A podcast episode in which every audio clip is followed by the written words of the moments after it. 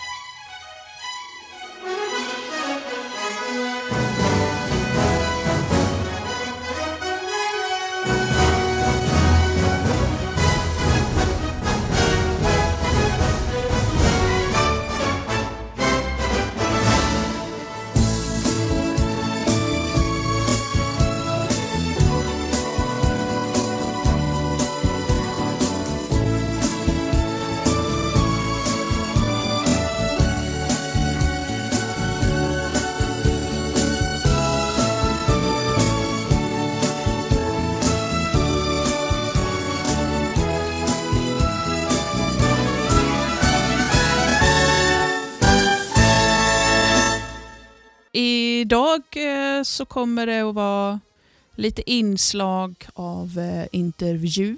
Äntligen. Yes, äntligen. Med Annette och Sofie Björklund. Men innan dess så tänkte du Lina, du har Mm. väl... eh, Du håller ju på det här med kvinnokläder och Ja. sy och, Det gör och jag. sådär. Så jag lämnar över ordet till dig lite. Ja, det håller jag på med, inte ens så mycket som jag skulle vilja. För att eh, när eh, min semester tog slut i början av augusti i år, då, eh, ja, men då kändes ju hjärnan sådär seg som den bara gör precis efter semestern när man inte riktigt har vaknat än. Och det första jag gjorde när jag satt framför datorn, jag gjorde några halvhjärtade försök att komma ihåg vad det var jag höll på med i jobbet, men jag bara råkade halka in på en eh, sida och beställa lite symönster istället för att jobba. ja. det, det var det enda jag var sugen på att göra just och inte alls sugen på att jobba. Ja, Men vi kan prata lite mer om vart man vänder sig för att plocka ihop en eh, snygg outfit, en snygg dam-outfit till sitt eh, västern-renaktande. ja precis. Eh, för att- Vart tänker ja. du att man... Ja, går. men det är inte helt enkelt. För att, det första som möter en när man vill eh, reenakta vilda västern och plocka ihop lite kläder, det är ju bland annat klädmärket Frontier Classics. Eh, Ja, det. det är ett amerikanskt märke som har funnits sedan eh, 2001. Och det är ett av Mm. få klädmärken som alltså, ägnar sig enbart åt eh, att reproducera plagg från 1870 och 1880-talet. Som de då syr Mm. upp ut- utifrån ja, dels historiska förlagor och dels eh, fotografier. Så att de har ju levererat plagg till flera filminspelningar. Deadwood, Westworld, massa filmer. Alltså, eh, Ja, det finns en hel uppsjö. Precis. eh, De levererar till teaterproduktioner och så förstås reenaktare och folk som sysslar med cowboyskytte och sånt där har deras kläder. Och, eh, de, det märket gick ju att köpa på Vapen och Läder när den butiken fanns på, eh, på High Chaparral. Old Western Store Mm. som ligger i Skåne, de är också återförsäljare. Så att det ju, där kan man köpa ihop sig en grundklädsel utan att bli ruinerad. Och det är Nej. bland det första man skaffar. Ja, precis. Ja, men det är ju en bra, en riktigt bra start. Där. ju. Det är en bra grund, eh, men Kulan efterhand... Trading har ju också Jajamän, ehm, det kommer vi prata med... De- Classic. Ja, precis. Det kommer vi prata mer om med de damerna sen. precis. Eh, men efterhand så tenderar man ju som reenaktör att växa ur, förhoppningsvis inte bokstavligen, men eh, bildligt talat i alla fall växa ur sin Frontier Classics garderob. För att de är ju, ja, men de är ju lite massproducerade. Det är ganska enkla, men eh, de är inte alltid så personliga. Och inte minst när det gäller damkläder. Jag tror att det är enklare för killar eftersom mansdräkten ofta är lite mer uniform. Det här är också både bokstavligen och bildligt talat eftersom herrmode i många historiska epoker bygger på Mm. snitt och modeller som från början fanns i olika militäruniformer. För att man ska se, se bra ut, känna sig bekväm och se ut som att man, alltså, kläderna passar en så är det nästan, behöver man nästan mer som dam ha någonting som är skräddarsytt eller som man har liksom eh, inte bara eh, plockat ihop snabbt från, eh, från en butiksgalge utan att det är faktiskt kläder som passar en. Mm. Men det är Frontier Classics, de, de funkar bra när man ska köpa på sig. Ett annat europeiskt västernklädmärke eh, heter Stars and Stripes. Det, det finns i Tyskland, yes. grundades och finns fortfarande i Tyskland. Du känner till det? Ja, det var nytt för mig faktiskt när jag letade runt. Okej, okay. ja, nej, men jag känner igen det. Ja, de har ju, men det är mycket moderna västernkläder och rodeo-skjortor. Men de har en historisk kollektion, i alla fall herrkläder, som i Sverige mm eh, säljs via vildsvin.se. Det är ju en jaktsajt, men de har lite allt möjligt och de har lite cowboy action shooting-grejer. Det är nog därför de säljer dem. Eh, även de har fått ja, leverera till en hel del amerikanska filmer faktiskt. Eh, men om man har vuxit ur det här eh, snabb, snabbköpkläderna, vad, vad gör man då? Det finns förstås massvis att hitta i USA. Vi kan ju bara drömma om att resa dit än så länge. Ja. Eh, men eh, två av de lite större Old West-klädbutikerna eh, som jag har hittat i alla fall är dels en affär som heter Wild West Mercantile. Det finns i Mesa strax utanför Phoenix i Arizona. Och så en som heter Cattle Kate som finns i Boise, Idaho. Och det är 1800-tals Old ja, West? Precis. De, eh, ja, de, de syr upp jättefina kollektioner med kläder som är reproduktioner från andra halvan av 1800-talet. Eh, och som ser lite mer, ja, men kanske lite mer personliga och välarbetade ut än vad en del Frontier Classics-grejer gör. Ja. Det finns säkert massor av fler affärer, men det här var då vad, jag, vad man ganska enkelt kan hitta om man googlar runt lite där de verkar ha både fina fysiska butiker i USA men också ganska välsorterade och tydliga och fina hemsidor med webbutiker. Ja, och de levererar internationellt, så det ska gå att beställa deras grejer till Sverige, men vad frakten blir på det, det vågar jag inte säga.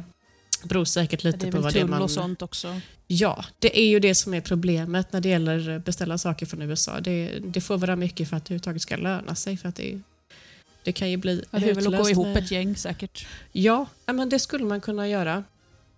Eh, eller spara ihop och åka dit. Men i alla fall, det, de finns. Det hade ju varit det bästa. Ja, en vacker dag så. Ja. Men i alla fall, om man eh, sitter här hemma i Sverige, är lite för cheap för att beställa från USA och villig att sy lite själv. Vad gör man då? Jo, det finns ju flera webbutiker i Sverige för tyg och sybehör och där man också kan beställa mönster. Och det finns, man kommer en bit på vägen bara när det gäller vanliga symönster som, är, som man kan köpa, där man kan köpa tyg och sybehör. Eh, och till en viss del så rör det sig faktiskt om maskeradkläder. Eh, eller i alla fall symönster som är tänkta som maskeradkostymer men som bygger så pass mycket på historiska grundplagg att det faktiskt kan se ganska okej okay ut. Eh, men det beror okay. lite på att man själv, det bygger på att man själv har lite koll på hur plagg från andra delen av 1800-talet ska se ut. Ja, precis. Men sen finns det ju ett antal ställen som tillverkar historiska symönster där jag har försökt leta runt och drömma lite. Råka beställa lite som jag inte hade tänkt beställa, som man gör. Eh, så om du letar efter bra symönster till en vilda västern-outfit så får man börja med att ha lite koll på vad det är vad det är för kläder man ska ha och vad det är man letar efter. För om du söker utgår jag från att alla är internetbaserade här.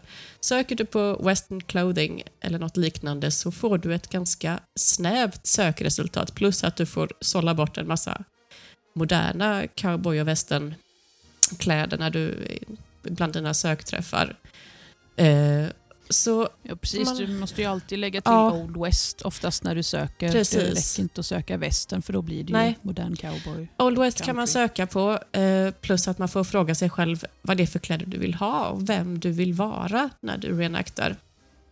Precis. Eh, och chansen är ganska stor i vår krets att eh, det är en vit person, underförstått en person som har rötter i Västeuropa, en eh, immigrant eller nybyggare eller någon som har kommit till USA som man vill reenakta. Och vad hade de för kläder? Jo, under andra halvan av 1800-talet så fanns det, det fanns förstås en massa regionala skillnader, olika folkdräkter bland människor som mm. hade rötter i Europa. Men det mode som spreds överlag i Västeuropa och USA, det är vad vi kallar viktorianskt mode.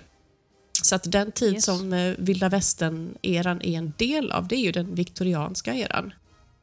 Som, som heter så på grund av att drottning Victoria av England, hon regerade så pass länge och under hennes tid så hade det brittiska imperiet så pass stort inflytande på en väldigt stor del av världen så att hela den historiska epoken kallar vi för den viktorianska eran. Och när du söker efter mönster eller kläder på nätet så får du, tycker jag i alla fall, mest och bäst eh, sökträffar om man, eh, mm. om man knappar in eh, Victorian fashion eller någonting liknande.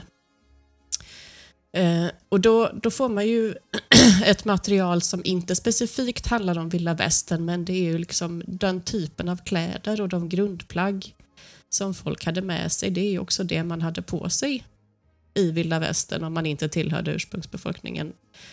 Mm. Eh, eller tillhörde någon grupp från en annan del av världen som också emigrerade till USA. Det är ju inte bara vita europeer såklart. Nej. Beer suit you? You read my mind. Mm -hmm. With most men, that's not too difficult. And not too interesting either. I can tell when a man walks through that door whether he prefers blondes or brunettes, drinks whiskey or beer, plays blackjack or poker, is a cheapskate or a high roller.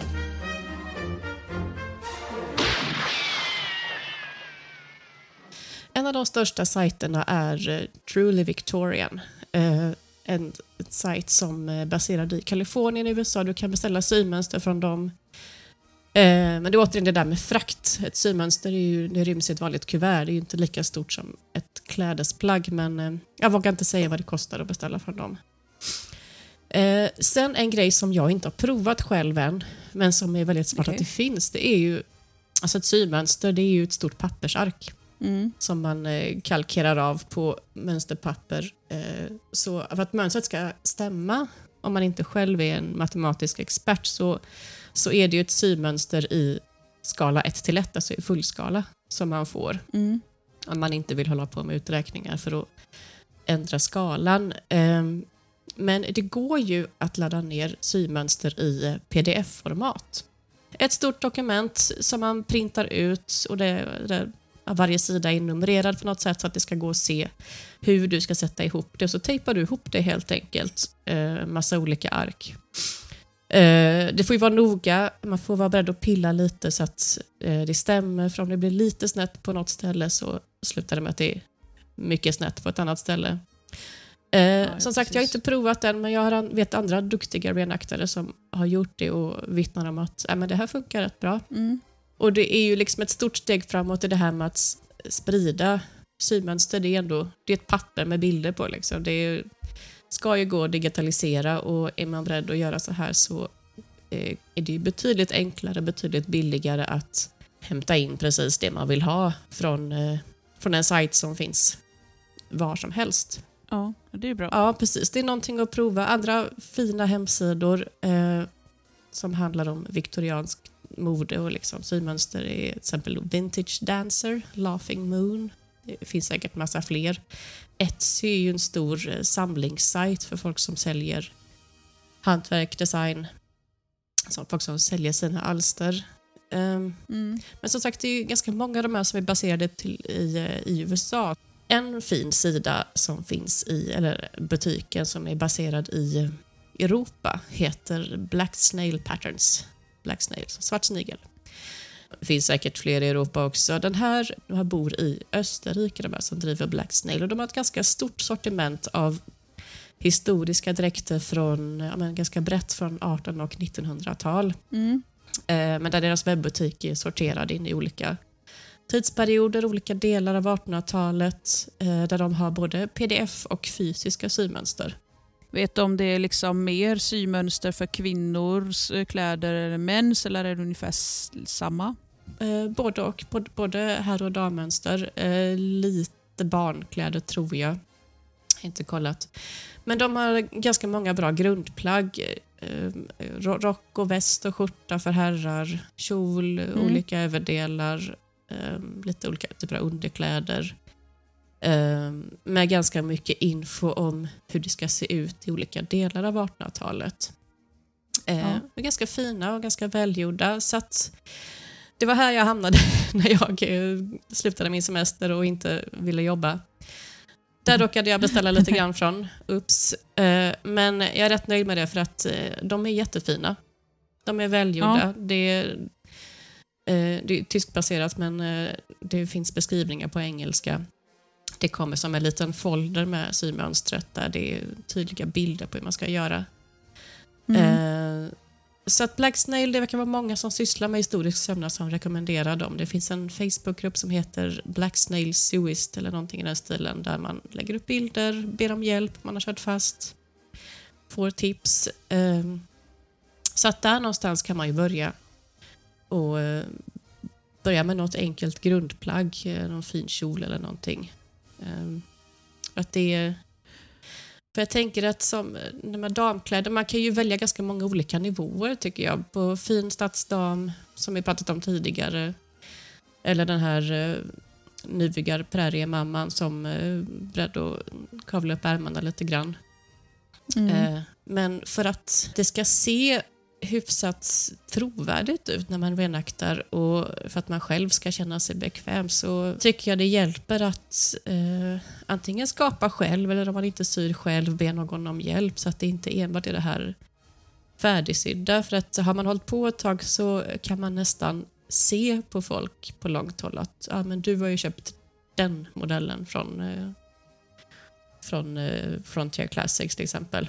Mm. Och sen, eh, som sagt, det är lite svårare med damkläder för att damkläder under den viktorianska eran var ju en komplicerad historia. Det är mycket grejer. Det är korsetter, det är många lager, rysch och pysch och underkläder. Det är, under olika delar av 1800-talet så är det olika konstruktioner för att fluffa upp kjolar. Det är krinoliner eller Mm. eh, ja, massa underkjolar och grejer. Så att, eh, Ja, precis. Det är inte bara det yttre nej, klädesplagget man ser. Det är bra mycket mer som gömmer sig bakom det är mycket som gömmer sig under ytan när det gäller dam, damkläderna. klädväg, Ja, tänker ja. jag. Precis. Ehm, Så vad man kan göra också eh, är att investera i en fin korsett. Eh, Och så behöver man inte snöra hårt om man inte tycker att det är roligt, men bara av att bära korsett under plaggen gör ju att allt ser lite annorlunda ut. Hela, alltså, ens hållning, kläderna sitter annorlunda. Man, eh, hela helhetsintrycket blir lite mer HK, alltså historiskt korrekt tycker jag, i, Mm. i hur kläderna sitter. Ehm, och under 1860-talet var det ju fortfarande mode med den här stora krinolinen, en eh, ställning som man hade under kjolen som gjorde att kjolen puffade ut och stod ut åt alla håll. Mm. Eh, och sen under eh, 1870 till 90-talet så var det mode med olika varianter av en turnyr eller bustle som det heter på engelska där man hade en kudde eller stålkonstruktion eller någonting sånt som eh, fick kjolen att stå ut bak till medan kjolen fram till var lite mer platt och slät. Och även det, att, skaffa en sån, det är verkligen avancerad nivå. Eh, och vill man inte vara en fint uppklädd överklassdam som är på väg till en bal så kan det ju räcka med något enklare, en kjol som är sydd så att det, man lägger väldigt många veck bak till på kjolen eller att man eh, har en överkjol som man puffar upp med en kudde till exempel. Ja, ja, precis. Så att jag tänker, reenactment handlar ju om att söka kunskap och bygga upp en både garderob och liksom uppsättning prylar lite bit för bit. Så att man får bygga upp sin garderob och skaffa, eh, testa vad som passar en. Eh, skaffa mer och mer avancerade plagg ju längre man håller på där. Det är ju förhoppningsvis ingen som tittar under kjolen och kollar vad man har för underkläder när man reenaktar, men för ens egen del och för att Ja, det ska det- kännas... Ja, det vet man aldrig framåt, framåt kvällen. Nej, men Nej. som du säger, för ens egen del, känslan av att Ja. okej, nu har vi fullt ut Verkligen. eh, historiskt korrekt. Så. Precis. Men, eh, ja. Men om man tänker som mig då, eh, som inte, jag syr ju inte. Och eh, det var väl ja, några år sedan jag gjorde det senast och då var det kläder jag sydde som skulle gå sönder. så här Mhm. klädbytes på scen. Men, ehm, så det gjorde inget om det blev snett och vint, men liksom, om man tar ett enkelt, om man uttrycker sig så, Mm. eh, uppsättning. ehm, hur enkelt är det för en som inte är van att sy? Vad skulle du säga om det? Eh, För jag vet, du är sy ju. Ja, precis. Men något proffs gör jag verkligen inte. Jag skulle säga att det är ganska enkelt om man, väljer, om man är beredd att lite grann... eh, att det, det, får, det får bli fel och så testar man igen. Eh, För att en enkel kjol till exempel, det är ju det är ett antal stycken med raka sömmar och en linning och en knapp. Och om man är, är beredd på att det här kommer inte se helt perfekt ut så så tycker jag definitivt att man ska försöka. Även om man inte är Ja. helt syvan. För som sagt, jag sydde mina och dotterns första kläder utifrån ett slaktat IKEA-lakan. Ja. Eh, så att när, det- när det gäller själva tyget så behöver man... Så, det var ju så pass vanligt och populärt med bomullstyger i, i randigt och rutigt eller något småblommigt mönster av det slag precis. som man hittar eh, någon gammal gardin eller vad som helst på loppis. Så rent när det gäller pengamässigt så behöver man ju inte vara rädd att lägga ut mycket pengar på någonting som man inte blir nöjd med. För att det, det, det ska gå att hitta ganska enkla grejer och även symönster kan man ju hitta begagnat. Ja, och sen tänker jag man kan ju komma undan kanske lite med, om det inte ska vara den här bal um, uppklädnaden då. Men, eh, nej, men att man återanvänder ju kläderna väldigt Ja. mycket för att man nu idag så är det, okej, det är mycket köp och släng. Mm. Eh, man har ju gärna många kläder i sin garderob. Eh, alltså, inte alla naturligtvis, men ja. Lite så är ju samhället idag och då var det ju liksom, ja men man hade några enstaka kläder och de återanvände man absolut tills det absolut inte gick att laga mer. Och menar, då kan man ju bara säga, ja men jag har använt det lite, jag har behövt laga lite. verkligen. Därför blev det lite snett och vint här. Precis, och, och samma sak men när det gäller att det ska vara historiskt korrekt. Man ska ha koll på vad det är för modell man bär och vilken eh, del av 1800-talet man reenaktar. Samtidigt så behöver man inte vara jätterädd för att det ska vara dagsaktuellt. Om vi rör oss i en miljö som, eh, som ska föreställa 1880-tal ska man inte vara rädd för att skaffa ett mönster som står att ja, men den här modellen kommer från 1870-talet. För eh, de flesta människor, förutom de allra mest välbärgade, hade ju kläder ganska länge. Så, så länge man inte syr upp någonting som egentligen föreställer någonting nyare eller senare historiskt sett, Nej, precis. så tror jag de flesta kvinnor eh, hade en, uppsättning, en liten uppsättning plagg. Och så sneglade man i, på modebilder och kataloger när man kom över dem. Eh, och så gick man hem och ändrade sina plagg och sydde om och sydde till och sånt där. Eh, efter egen förmåga för att, för att vara så fina och försöka vara så fashionabla som man kunde. När man inte hade råd att anlita en sömmerska.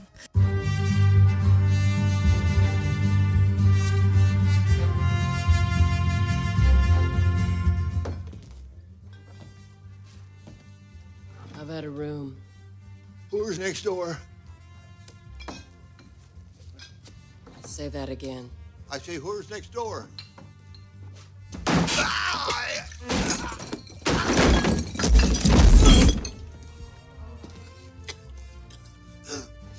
Now, do you have a room available? Uh, room in bath. Yes, ma'am. Coming up. coming up. Eh, och jag tänkte på det, just det här som du sa om anlita en sömmerska. Det var, jag läste lite om det eh, bara lite kort. Eh, att yrket sömmerska, det kom inte till förrän tidigt 1800-tal. För innan dess, visst, det fanns de som gjorde beställningar Mm. eller sådär, eller vad man ska säga. Men eh, för då hade man ännu mer, ännu färre klädesplagg. Men sen ju längre fram i åren Ja. så började man, okej att man skulle byta för det här, man ska ha kläder för det här. Och då började yrket sömmerska komma till. Men då kallas man då på, ja men på engelska är det ju seamstress Mm. eller dressmaker. Och det är ju sömmerska om man är tjej eh, och sömmare om man är kille. Och då är det fokus på sy kvinnokläder. Och sen har du ju då tailor, alltså skräddare. Och de Mm. syr blandat. Det är inte bara till herr utan de syr ju alltingen. Ja. Idag ehm, så används ju att man är skräddare eller sömmerska eller sömmare, alltså vad man än syr. Mm. Men förr så var det mer att man skilde. Om man var sömmerska och då sydde bara kvinnokläder. Är du skräddare och då syr du allt möjligt. Och förr så var det även så att då fick bara män sy kläder om de var skräddare. Annars Mhm. ansåg det som ett Ja. kvinnogöra. Då skulle kvinnan i hemmet göra det. Det? Men arbetar du som eh, skräddare då var det ju helt fine att sy kläder som herre. Mm. Och jag läste någonstans att det här med att köpa kläder på konfektion, som det heter, eller hette förr i alla fall, det vill säga att man går till en butik och köper färdig sydda plagg som inte är uppsydda för en själv, utan som, alltså, ja, som, som det är det normala nu för tiden, att plagg hänger i en Ja. butik. Det blev Ja, ja, inte, precis. det fanns ju, men det blev inte vanligt förrän på 1900-talet efter världskrigen. Det var först då som folk, alltså det här med eh, fabrikstillverkning eh, fick fart och att folk fick det så pass gott ställt ekonomiskt igen efter kriget att man faktiskt började göra det och började skaffa kläder på det sättet huvudsakligen. Mm. Men det där med att få kläder uppsydda, det, jag läste en intressant grej häromdagen, det första mode... Det finns ju flera gamla modehus, inte minst i Paris, men det här med att det finns en studio, alltså att en person är designer och eh, sätter sitt namn på någon sorts eh, label i plaggen och har en eh, studio där man visar upp plaggen så som det går till än idag på fina modehus. Det, det var nu minns jag inte namnet, men eh, det är först under andra halvan av 1800-talet, någonstans under den viktorianska eran, som det börjar komma i, i Paris. Mm. Att eh, en designer började som första person eh, visa upp sina plagg på levande modeller. Ha, ha levande människor som man lätt fick paradera hans, eh, hans kläder. Och att han faktiskt sydde in sitt eget namn i, i kläderna och att kunder kom till hans eh, salong eller hans studio istället för att, som det alltid hade varit tidigare, att, eh, att sömmerskan eller eh, klädmakaren kommer hem till sina kunder och syr upp personligt. Liksom. Ja. Så att där någonstans föddes eh, det vi idag förknippar med eh, liksom, modehus och eh, hur mode skapas. ja, just det. Och innan dess var inte det så vanligt. Jag eller kom över ett, ehm, ett eh, ord som eh, används än idag, tyvärr. Ehm, nej, men det var i slutet av 1800-talet. Då började man benämna den skrädderibranschen för en så kallad sweatshop. Mm. Och, eller, alltså som tröj, tröja eller så. här. Men sweat, då var det alltså att man överarbetar och får minimum ersättning. Mm. Ehm, och eh, sweatshop då, att man anställer då under orättvisa och ohälsosamma arbetsförhållanden. Och det kan man ju kalla viss produktion idag med. Inte bara av kläder utan i Ja. andra sätt. Så det började ju redan då att det var liksom, Det är nog väldigt vanligt i klädbranschen, eller ja, det vet vi att det är. ja I tyvärr så är det ju idag. fortsatt så. Ja. Men att det var så redan då? Eller ja, det var 1800-talet? liksom när de började med skrädderibranschen. Mm. Ehm, Jag fördjupade mig inte jättemycket i det, men jag bara kom över just själva det uttrycket där. Att eh, man började kalla det för sweatshop istället för... Mm. Ehm, Så det blev att man bara skulle sy, sy, sy, sy och sen inte få så mycket pengar och gärna jobba alldeles för Mm. mycket. Herregud, kunna Mm. och gö- sitta och göra det hela dagarna utan symaskin och sy för hand. Mm. Ja, och som, vi, hårt. som jag sa när vi pratade om yrken eller sådär när de var ute på prärien och, eller skulle vandra och ta sig, då fick de ju ta kvistar som blev som nålar. Mm. Alltså då fick man använda det som en nål och för att liksom laga för det gick ju sönder Mm. eh, under tiden de promenerade. Ja. Alla de små Mm. sakerna vi tar för givet idag. Nu, jag, jag har ju Ja. ett överflöd av sybehör som jag ärvt och sådär.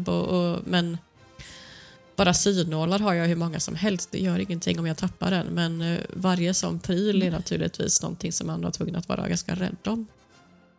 Den tiden Ja, man ja. inte kunde förlita sig på billig produktion av grejer. Nej, nej, precis. Nej, men då har du ju det du har. Det är det du har. Blir du av med det, då blir du av med det. Alltså, Mm. Annars får du ju betala väldigt dyra pengar. Och, Mm. och så. Ja. Men just det här med kläder och med... Du pratade på att det var väldigt vanligt med, med bomull och sådär. eh, Ylle. Och det var ju för att en del modetidningar de hade ju det här med att det skulle vara sammet och väldigt Mm. sådär glansigt och galant. Men när de skulle liksom, men nu ska vi förflytta oss, det kommer ta några dagar liksom, och ta med dig vardagliga kläder som liksom men en del vill, eh, kvinnor vill du ändå ha med sig sina siden, eller heter förlåt, sammet eh, kläder. Och, eh, men då först, e- efter ett tag så märkte de att oj, de höll i två dagar. Ja. Eh, sen var man tvungen att laga och sen var man tvungen att laga och laga laga. Men tog man av bomull eller även canvas och liksom Mm. under själva att man kanske hade bomull och sen hade man canvas bakom. Mm. Bara för att det ska vara extra slitstarkt. Ja, men då behövde man inte laga lika ofta. Så att, eh, och gärna en hetta då, som skyddar mot solen. Ja, För solen precis. var ju inte så god. Och, eh, så det Nej. använder de ju också. Varför de använde just det, det var ju helt enkelt för man inte Ja. hade möjlighet att få nya kläder så ofta. Så. Precis, dels det och dels att man hade kunskap om hur man skyddade olika material. Eh, eller vad, vad olika material tålde för någonting när det gäller tvätt och hur man skulle vårda för att det skulle hålla så länge som möjligt. Ja. Så att mitt råd är, går ju lite stick i stäv med det. Att jag tar något gammalt jäkla lakan och prova och sy. så behöver du, blir det inte bra så behöver du inte vara så himla rädd om plaggen. Det, det var ju inte så det funkade förr, men för att eh, om man liksom kommer komma över det här steget att man, eh, man inte är van vid att sy men vill testa i reenactment-syfte så eh, passa på i den tid vi lever i nu där vi har ett överflöd av material och grejer ja, precis. Så, eh, ta något gammalt lakan eller vad som helst. Nej, men man förstår ju varför man hade förkläde. Förkläde var ju, blev ju också någonting som man utsmyckade och dekorerade med spetsar och broderi och grejer. Men eh, Mm.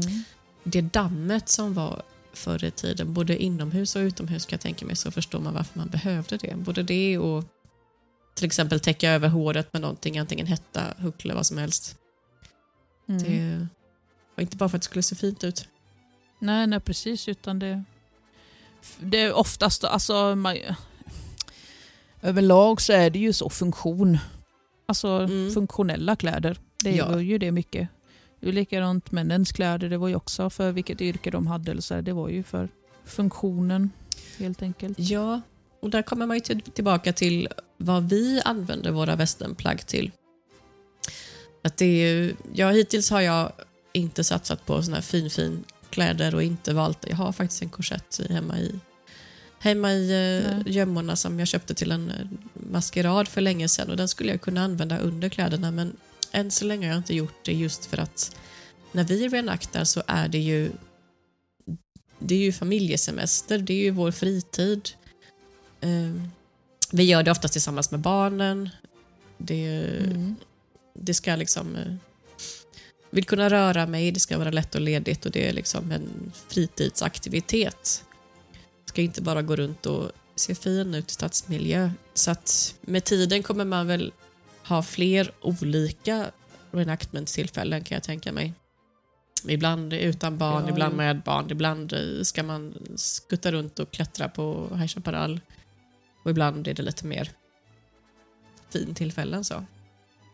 Mm. Jo, men det är det ju. Att man tar ju egentligen samma grund innan. Vad ska man ha kläderna till? Vad är det vi ska göra idag? Mm. Och man kan ju ha olika karaktärer eller sådär även om man Ja, så får man utgå från sin garderob vad man har. Mm. Ehm, men att man kanske, än så länge i början i alla fall, så kan man ju ändå vara ganska bekväm med sina kläder. Man behöver inte ha alla de här hundra underkläderna för att få på sig den här klänningen. Utan man kan ju faktiskt experimentera lite om man Ja. ser till att det inte syns naturligtvis. Men eh, visst, det coolaste är ju egentligen att ha helt fullt ut. Men, eh, Mm.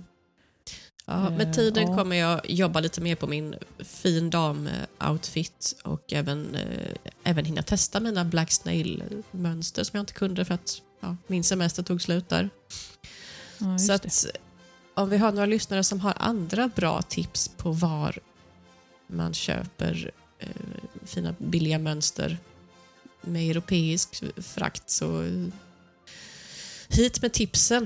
Eh, det finns ju ett par andra sidor som jag inte nämnde förut som heter Buckaroo Bobbins till exempel och Patterns of Time. Det är också amerikanska webbutiker eh, Mm. med ganska mycket historiska symönster. Så att, eh, ja, även där kan man ju förstås handla om inte frakt och tull blir för dyrt, men det har jag inte provat än. Nej, nej, nej men det... Du har, du har tid på dig. Ja, ja, vi- ja precis. Eh, någon Ja, gång. Någon gång ibland. Om, om, Ja, det kommer hända. Ja, jag har, jag har tills, eh, Pensionsåldern. Ja, men ungefär så. Ja, det, ibland har det varit skönt att gå i pension direkt. Nej, men tills Ja. nästa sommar när man ska ut och vara tjusig i reenactment-sammanhang, då ska jag väl ha hunnit få ihop någonting. Ja, det ska bli spännande att se vad du Mm. får ihop. Mm. Mm. Eh, men jag tänkte bara, jag kollar upp en, du nämnde det tidigare, alltså att det fanns ju olika magasin man kunde kolla i. ehm, alltså på 1800-talet, där eh, naturligtvis inom västern, hur de, för det var ju ändå mode och sådär vad man ofta hade. Mm. Och det fanns det ju en delvis, om man tänker förr i tiden, då kunde ju beställa en beställningskatalog, Montgomery Ward, men den har ju Västernpodden, alltså herrarna, pratat om tidigare, så den kommer jag inte gå in på. Men där fanns det ju också kläder, eh, även om det fanns annat. Mm. Men däremot så kom jag över en bok som jag inte hade hört talas om, eh, som kallas för Godys Ladies Book. Eller Ladies Book, eller Godys Magazine. Mhm. Eh, och det är ju en amerikansk kvinnotidning eh, som start, startade 1830 till 1878 men sen höll den ju på ända fram till 1896 för eh, de sista 20 åren så ändrades det om lite och sådär. Men fokuset var helt enkelt eh, eh, skriva om kvinnor och hur, eh, lite allt möjligt med fokus om kvinnor. Och det var Lowie Godie, han var redaktör och grundare av tidningen. Och eh, den gavs ut i Philadelphia. Och eh, prenumerationen den var ganska dyr. Det kostade 3 dollar per år. Ehm, och för att jämföra då en nyhetstidning som var väldigt populär kostade 2 dollar per år. Mhm. Så den vart ju lite dyrare då. Och sen fanns det även Sarah Joseph Hale. Hon var redaktör eh, och det var hon efter ja, ett år efter att han hade startat den tills eh, 77. Och det var även hon, Sarah, som skrev eh, Mary had a little lamb.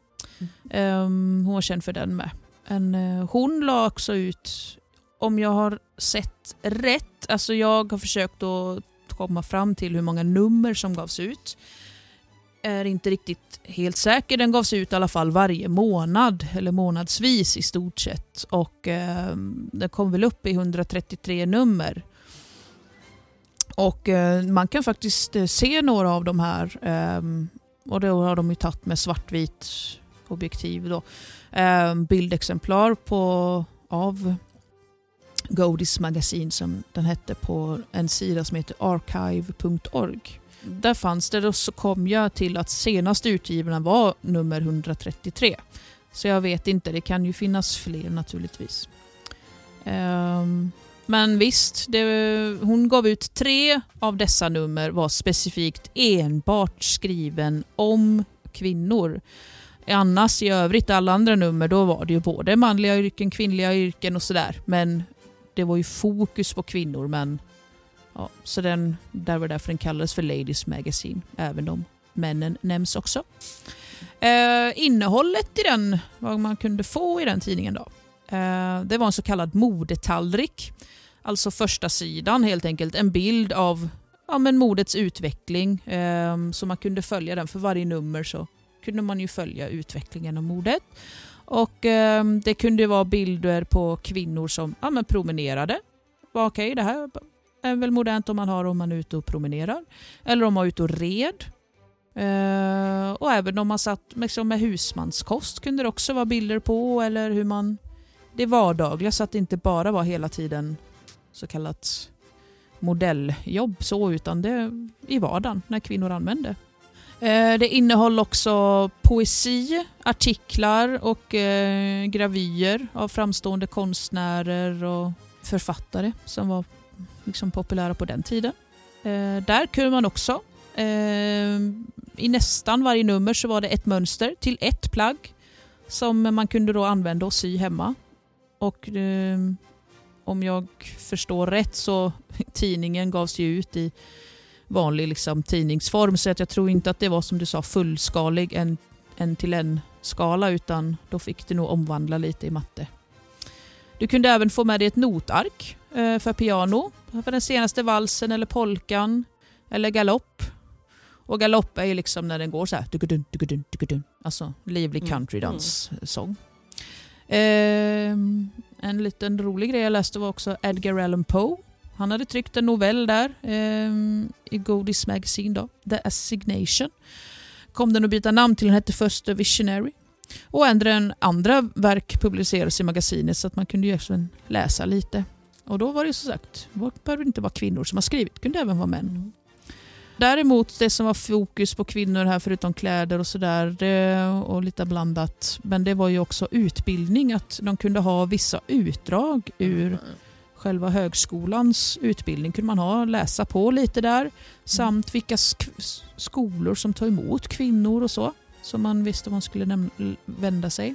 Eh, Men sen då 1896 eh, när de slutade ge ut den här tidningen helt enkelt. Eh, Den började ändras på slutet och sen slutade de ge ut den. Men då kom Timothy Shea Archer och Virginia Frances Townsend, en kvinna och en man igen som var redaktörer. De skapade en version av den här och den kallades för Arthurs Home Magazine eller Ladies Home. Och den fortsatte ju ehm, också eh, lite i slutet av, alltså när man inte hade Ladies Book månadsvis utan när de började ändra på slutet, då tog den här över. Ehm, så det var ju också lite samma innehåll riktad mot kvinnor och den Ja. gavs också ut i Philadelphia. Okej. Så, den, ehm, så det finns ju en hel del kända tidningar där. Mm. Ehm, Jag kan tänka mig att det Men var det är vansinnigt eh, betydelsefullt. Eh, för alla de människor som bodde i eh, olika delar av nybyggар f- frontieren eller ute i territorierna där man inte hade särskilt mycket kontakt med vare sig östkusten eller stadsliv eller eh, mord eller någonting. Jag kan bara föreställa mig att många kvinnor slök den här tidskriften när, varje Mhm. gång de kom över den. Ja, ja, nej, men alltså, man såg ju siffror på hur den, liksom, den steg ju från att bara sälja några tusen ex till liksom 150 000 Ja. ex i månaden. Alltså det, det stegrade ju väldigt snabbt. Så att eh, Mm. den var, ja, men det var den, en av de populäraste magasinen just Mm. Kvinnofokus också. Nu lyckades jag hitta namnet på människan som eh, förändrade modeindustrin här lite. Charles Frederick Worth eh, brukar man eh, säga att han förändrade modeindustrin till eh, lite mer vad vi känner till idag och, började locka kunder till sin salong istället för att det var en sömmerska eller skräddare som kom hem till fina damer som det ofta var innan. Han började använda Mm. levande modeller, sydde in sina labels i kläderna så som det funkar på i fint mode idag. Jag kan tipsa om eh, Instagramkontot Historical Clothing. Mm. Eh, om, man, om man är som jag och tycker om att dregla över jättefina, vackra gamla klänningar så, eh, så får man ganska mycket inspiration. Det här är ju fantastiska kreationer som man inte slänger ihop av ett gammalt lakan men det ger en liten bild av hur kläder, i alla fall fina kläder, såg ut i olika delar av 1800-talet. Ja. Som förmodligen de flesta kvinnor i vilda västern inte hade på sig heller, men det är som sagt som, eh, som de kanske hade som förebilder, bland annat genom det här magasinet. Och, när de satt och, satt och sydde egna grejer hemma i stugan. ja. Yes, härligt. Men vad kul att du också hittade någonting på archive.org. Det var en sida som jag inte kände till innan, men även jag hamnade där i, nu nyligen när jag skulle göra lite research. Och det, ja. Ja. Vad hittar du för något trevligt där? jag hittade någonting som jag tror vi kommer ta upp i eh, vårt nästa avsnitt, så jag suger för den lite grann. Men eh, i alla fall, archive.org, det är ganska bra tips. Och det, jag fattar inte riktigt om det är statligt eller inte, men det är ett stort digitalt arkiv helt enkelt, amerikanskt. Ja. Om man, som man kanske kan jämföra med Riksarkivet eller eh, SVTs öppet arkiv. Alltså de samlar, de har arkiverat själva internet sedan eh, internets barndom på 90-talet och är länkade till flera olika amerikanska bibliotek så att man kan hitta både eh, att man har fotograferat av gamla böcker och tidskrifter. Man kan också hitta mycket äldre film. Eh, Ja. och, och böcker och e-böcker och ljudböcker och allt möjligt som, eh, som är open source, som är fritt att sprida. Så att för den som vill titta på äldre filmklipp kan jag göra, ge som ett litet förhandstips bara. Där har man ganska mycket att hämta även om det är, det är en mycket klumpigare sökmotor än vad vi är vana vid om man jämför med Google. Så att det brukar ju tyvärr vara så att man ska söka på saker i digitala arkiv eller eh, eh, museisamlingar är ju ofta digitaliserade med mycket fina bilder och grejer men även där eh, får man hålla på lite och veta vad man letar efter och testa lite olika sökord sådär innan man, Mm. innan man hittar rätt kanske. Men archive.org alltså. Det är ett bra ställe. ja, härligt. Många tips idag. Ja, gud ja vad vi har svårt att Jag tror vi får eh, lista dem i eh, poddens sociala medier så att Ja, precis. Alla sugna. kan skriva ner dem där Ja. i någon det gör vi nog. om avsnittet eller en kommentar. Det fixar vi naturligtvis. Men härligt, då ska vi helt enkelt, eh, på tal om kvinnor och kläder och eh, High Chaparral, eh, där har vi ju stött på Trading Annette. Mm. De flesta som har passerat eh, genom chappen de senaste åren har ju träffat på de här duktiga människorna som hade vapen och läder.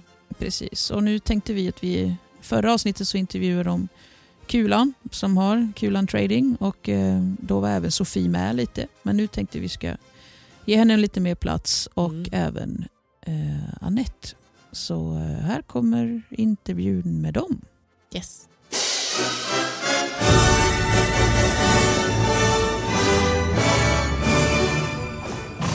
Det är lugnt och tyst här ikväll. Just vad det ska vara det, Jake Logan. Ta ditt gäng och stick va. Jag vill inte ha något bråk här ikväll. Då sitter vi äntligen här med Annette och Sofie eh, som är inblandade i Kulan Trading. En hett efterlängtad intervju. Tack så mycket till er för att ni eh, tar er tid att prata med oss. Ja, tack för att vi får vara med. Ja, kul att ni är med. Ehm, det blev ju lite tight sist för då skulle vi ju gjort på den här eh, eventet ni hade, Kulan Trading-dagen. Ehm, men vi körde lite längre fram. Och Ja. ehm, I vårt avsnitt så har vi pratat om eh, det här som ska släppas nu. Har vi pratat om kvinnokläder, lite, Lina har gett lite tips Mm. och så vidare. Och jag vet som ni har ju jobbat innan väldigt mycket i, i vapen och läder också och nu med Kulan Trading. Eh, och då tänkte vi fråga lite hur ni tänker kring kläder och reenactment och lite så. Ja. Mm, ja. Ska vi börja med Anette? ja. Vem är du när du eh, renaktar eller när du eh, är västen uppklädd? Ja, vi brukade ju prata lite grann om det när vi jobbade i butiken. Att vi var en familj som drog västerut. Och sen stannade vi i en liten stad då här i Chaparral och startade en liten butik och jobbade där. Så jag känner att jag är lite sådär en liten lant, lantlig dam. Mm. Vad man ska säga. Mm. Mm. Ja. Och om man vill vara en lantlig dam, hur ska man tänka då som tips till lyssnarna? Praktiska kläder ska man ju ha. Ja. Enkelt. Eh, inte så massa prål och sådana grejer utan ja, enkelt. Ja, För mig är det kjol och blus, en väst om det är Ja. kallt och underkjol och sådär. Mm. Mm. Saker som man har kanske sytt upp själv i, i motsats Ja. till de här eh, fina katalogerna som spreds under Ja, 1800-talet. nu syr ju inte jag själv men jag, Roland syr. Ja, Han syr åt oss precis. allihopa. Ja, han syr så fina grejer. Men jag talar ju om för honom vad det är han... Jag köper ju tyget och sen talar jag om hur det ska se ut. Så, så blir det bra sen. Han är ju jätteduktig. ju. Mm. Ja, han har koll. Jag har Han har sett koll, en, ja. en hel del han har gjort. Ja, Ja. det är riktigt bra. Får bli en intervju med han senare. Ja, och sen tycker jag ju att eh, alla som kom, eh, som medborgare som kom och var sådär fint klädda, de här härliga klänningarna med krinoliner, det är ju underbart att se ju. Man blir så glad varje gång. Att, alla, att vi alla är olika, olika kläder. Och du till exempel Erika, du har byxor. Det är ju liksom jättehärligt att vi är blandade, inte alla är likadant klädda. Ja, verkligen. Jag tror vi, är- avsiktligt eller oavsiktligt, tror jag vi avspeglar lite den blandningen som faktiskt fanns av människor Mm. i västen. Hoppas jag i alla fall. Jag tror inte Ja. heller att alla såg likadana ut på den tiden. Nej, nej, nej. Det tror inte jag heller. Eh, Men om vi tar dig Sofie då, vad brukar du ha eh, att tänka på med kläder och när du reenactar? Ja, jag brukar ju ta det, det som känns mest naturligt för mig. Så oftast är jag ju också byxa och skjorta, för det är jag ju privat pojkflicka. Men, eh, men jag har ju, eh, pappa har ju sytt en indianklänning till mig som jag bär ibland. Roland har sytt upp en fin dräkt till mig som jag bär ibland och så har jag köpt, har jag köpt en hatt när vi var i Tomston som jag har till den då.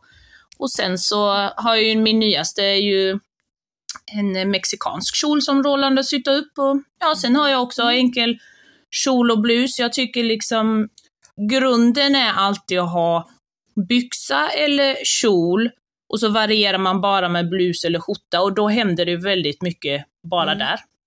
Ja, men det gör det. Absolut. Ja, men det jag är ju, alltså privat sett så har jag typ aldrig kjol så Nej, då kör jag ju samma grej i västen. Ja. Gud vad häftigt. En Ehm. hatt från Tombstone, bara där kan man gå runt och skryta lite tycker jag. Ja. Ja, ja. Mm. Nej, vi, vi har hittat mycket roligt när vi har varit där. Jag, en gång så köpte jag ju en fin handväska där som vi har kopierat och så syr mammas väninna Berit upp dem då och det är ett, det berättar de när vi köpte den så är det ett originalmönster ifrån 1800-talet. Ah. Så det är ju lite kul. Ja.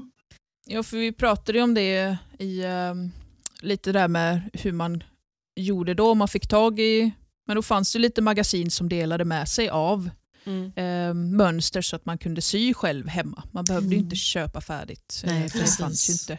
Och så tror jag, utsträckningen tror jag många var duktiga och gjorde precis som du säger, man såg någonting och gick hem och kopierade det. Mm. Och sydde om till vad Ja. sydde om till barnen, alltså mammas klänning började Ja. bli, eh, så sydde man det till barnen så att det användes Ja, men absolut. mycket. Ja, det var lite annorlunda tänk sen om jämför med idag. Mer återbruk. jag. Verkligen. Ja. Ja, precis. Mm. Ja, men och sen att förstärka kläderna, börjar de gå sönder, ja men då förstärker man dem Mm. med något lite canvastyg eller sådär. Att man inte bara, utan man använder dem tills det absolut inte går mer. Mm. Och det kan ju Mm. ändra form och utseende. Som du sa där Sofie, med att man bara byter ut blus eller skjorta. Det Ja. är ju stor skillnad. Ja, ja, ja.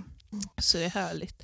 Eh, och sen tänkte jag på era namn här nu då. Jag tror i senaste avsnittet Sofie så nämnde vi väl ditt Mm. Ja, Crazy Cake. ja, precis. Ja, det är jag.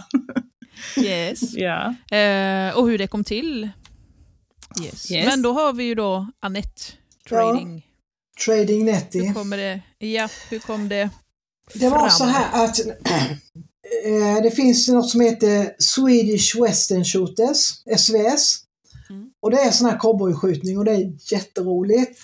Och då eh, åkte vi till, det, var, det, det är mycket i Värmland, de här skjutningarna.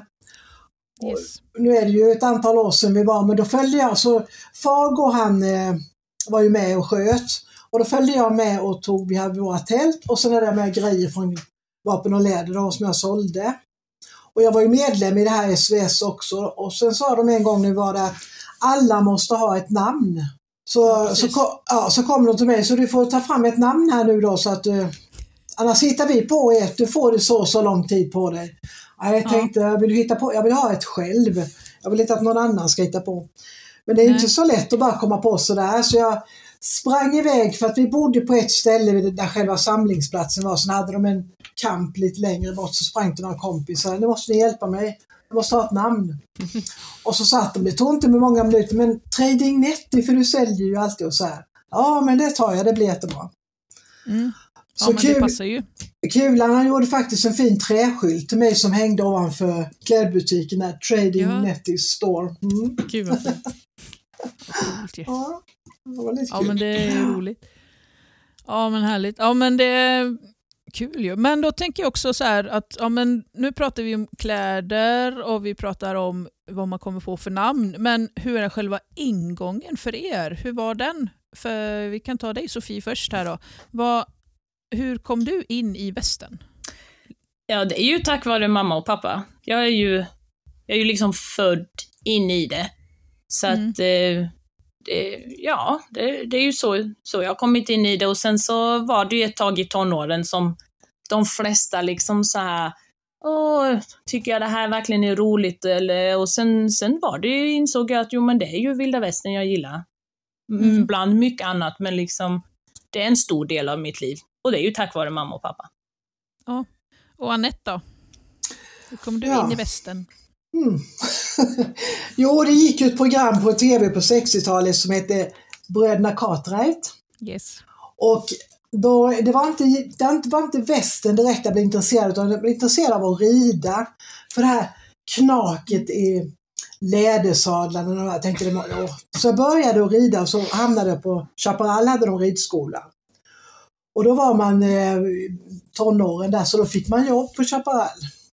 Så jag fick jobba eh, på varuhuset. Så sen blev Kulan chef där så då frågade han om jag vill jobba hela året om. Och det tänkte jag det kan ju vara kul. Och sen träffade jag ju Fago då. Och då, på den tiden hade vi väldigt enkla västenkläder. Det var en som sydde upp lite indianklänningar utav vanligt tyg och så här va. Mm. Och sen hamnade vi hos Kulan då i Vapen och Läder. Och då började ju det här intresset komma med kläder mer och mer. Och vi var i USA och hittade en butik som sålde de här gammaldags kläderna. Så det blev ju jätteroligt. Man blir ju mer och mer och ja, läser böcker och tittar på filmer och så här. Så det, är- Mm. det är ju ett underbart intresse för det är så brett tycker jag. Musik, Ja, heminredning, visst. Oh, kläder och alla dessa Ja, finns medborgarvänner. hur många ingångar som helst. Ja. Ja. Men du säger att det, på den tiden var det någon som sydde upp ganska enkla västenkläder. Tycker du att ni har blivit mer noga med eh, att det ska se korrekt ut nu jämfört med eh, Ja, på den tiden kunde... High Chaparrals tidiga år? Ja, då hade vi ju jeans och skjorta. Eller är det Ja. en indianklänning som var vinröd med bara att det var en klänning med fransar på så här. Eller vi hade en hatt. Jag vet jag jobbade ofta med ett pärlat pannband och så kanske jag hade en västenskjorta. Till det, det stämmer ju inte alls.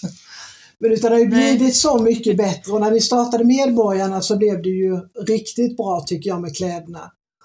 Och det är ju roligt Ja, att alla att liksom... blir mer, eh, intresset pålästa. blir ju bättre då tycker jag. Det blir ju Ja. härligare när man kan ja, klä sig rätt. Mm. Jag kan tänka mig att det har blivit många diskussioner med, med medborgare eller de som har velat bli och så vidare. Och fått mycket förfrågningar. Ja, det har varit mycket. Det har, det har varit jätteroligt att man får varit med om det här. Att, man fick, att vi blev tillfrågade för det första, att vi ville vara med i det här medborgarrådet. Och sen att vi fick hjälpa alla in då med kläder och så här. Det, det har varit jätteroligt. Det har varit en jätterolig resa. Eh, Och att de kommer och frågar, jag skulle vilja vara klädd så här och så här. Kan du hjälpa mig? Vad ska jag ha? Ja, men kom tillbaka imorgon så ska jag hämta, fixa lite bilder hemma och så tittar vi. Alltså, det har varit jättekul. Gud, vilket Verkligen. Och man, roligt jobb. Ja, verkligen. Och så man har ju lärt sig jättemycket själv också på den tiden. Mm. Mycket. Så att, nej, det har varit jätteroligt, verkligen. Ja. Men ni är väl med, om man tänker, nu finns ju inte vapen och läder längre, men nu är ni ju på Kulan Trading.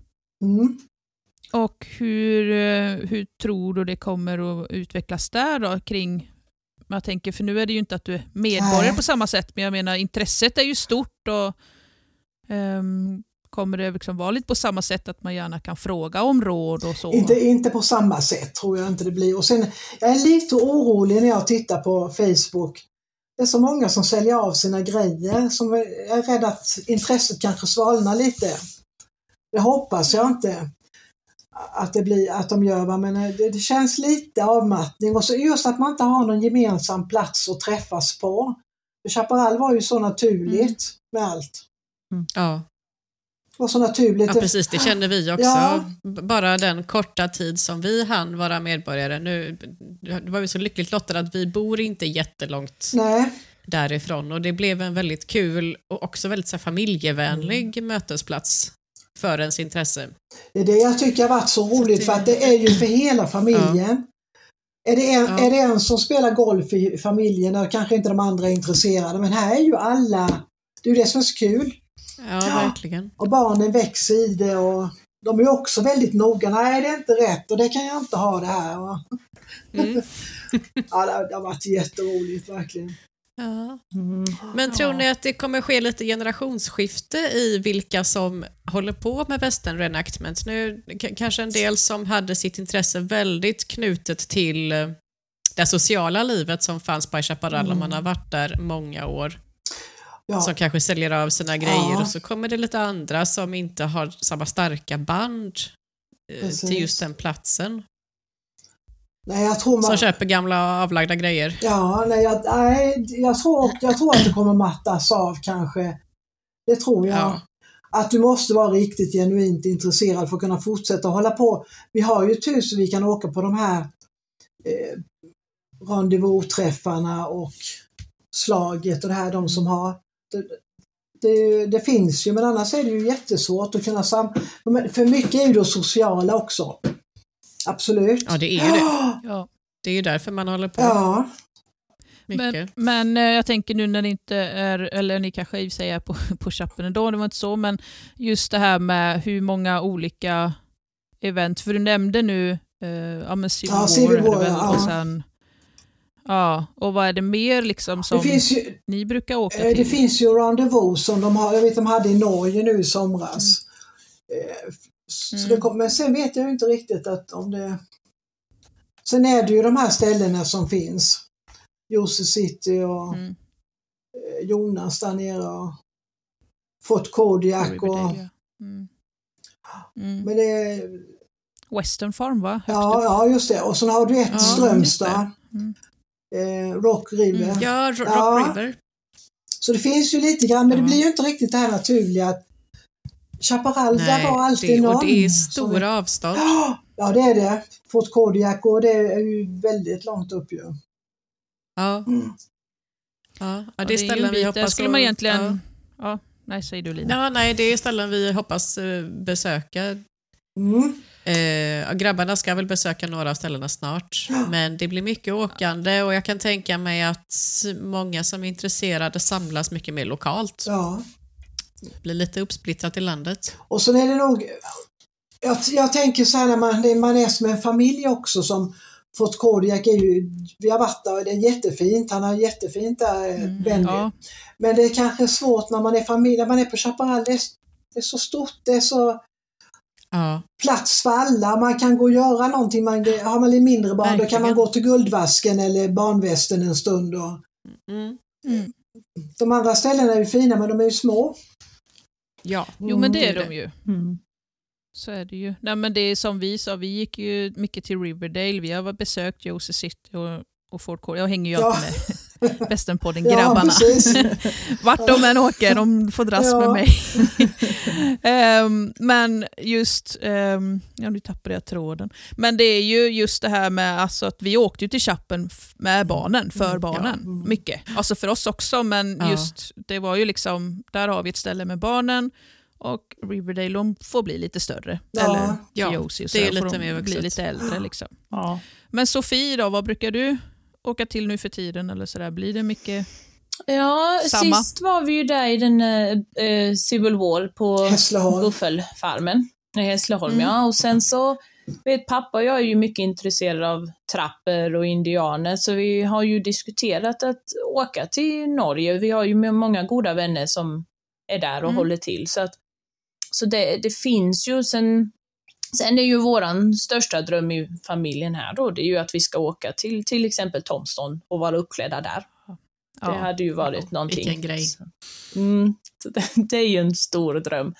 Ja, det förstår jag. Men då ska man ju åka på de här stora eventerna. Jag vet veckan innan pappas födelsedag var det ju en. Nu i oktober du- du- Eldorado. Mhm. Så sådana, jag vet min vän i USA har ju varit där och jobbat många gånger. Han skickar ju bilder och sådär. Så, att det, så det finns ju, som man säger, en värld utanför som man vill, som man nu kan utforska. Gör det det? Ja, precis.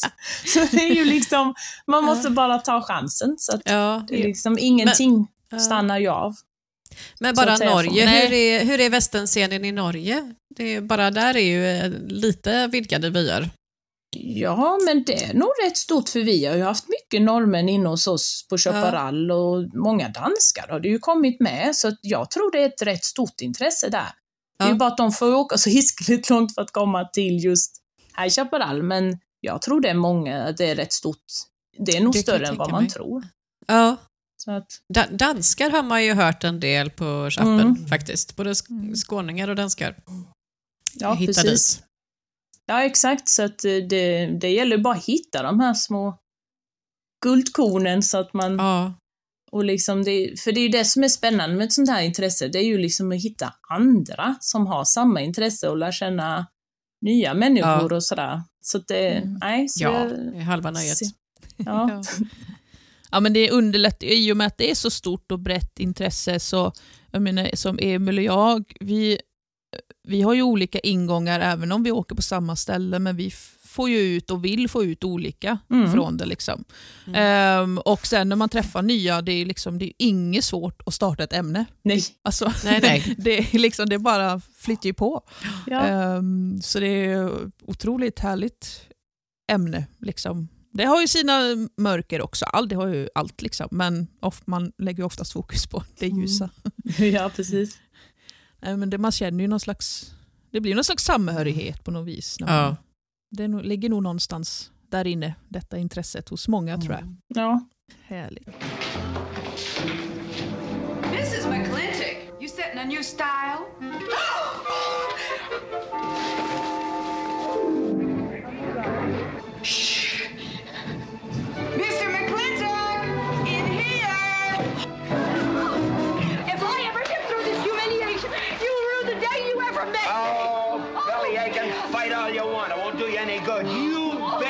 Those burrs into me for two years. Now you're gonna get your comeuppance. Oh, oh, Thanks. My father would be proud of you. And I'll make you prouder.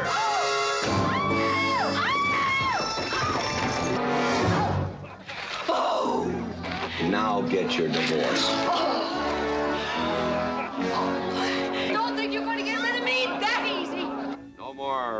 The capital? No.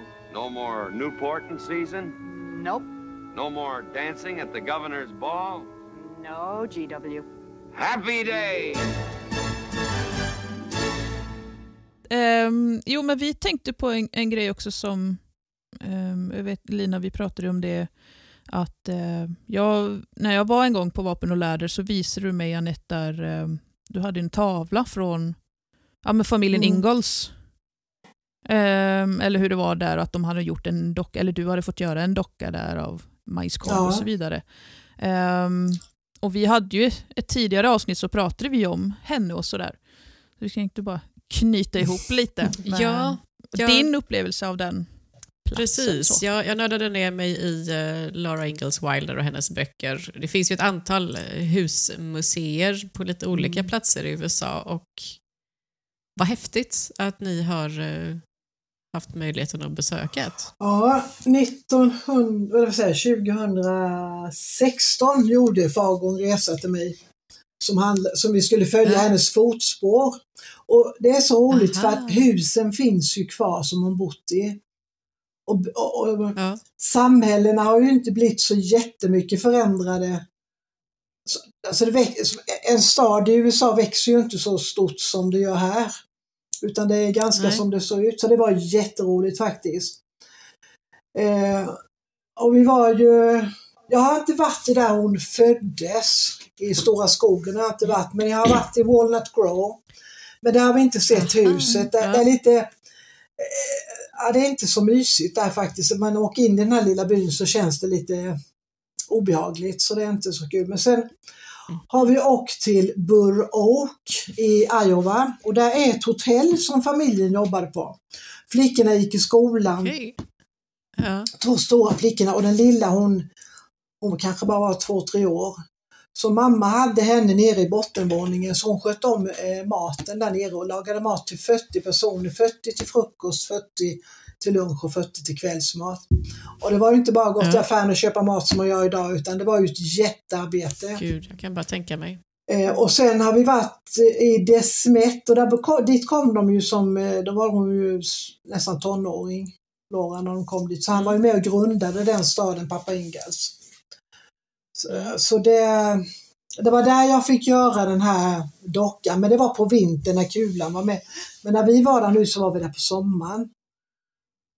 Eh, fick, ja, det var jätte, det är jätteroligt. Man kan prata med folket där och han, han är fortfarande igenkänd pappa var en stor man där man säger. Han gjorde mycket för, för byn och så. Ja. Det, och det jag tycker det är det som är intressant med att, att följa henne, för det är så lätt. Det är så lätt att läsa, det är så lätt att ta till sig. Och det står precis Oh, ja. hur mamma lagade mat, hur hon sydde om kläder och man får verkligen veta hur de levde.